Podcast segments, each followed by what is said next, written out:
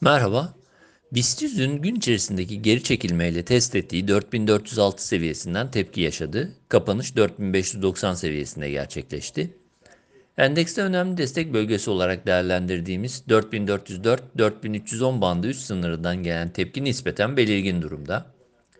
BIST yüzde 200 günlük ortalamanın da bu bölgeye yakın 4396 seviyesinde olduğunu belirtmek gerekiyor. Bu bölge haftalık grafikler açısından da önemli olduğunu düşündüğümüz destek bölgesi. Dolayısıyla gelişen tutunma tepki çabası olağan görülebilir. Bununla birlikte BIST'te kısa periyotta yeni bir iyimserlik gelişebilmesi için 4600 ara direnç olmakla birlikte 4700 seviyesi üzerine geri dönüşü gerekli görüyoruz.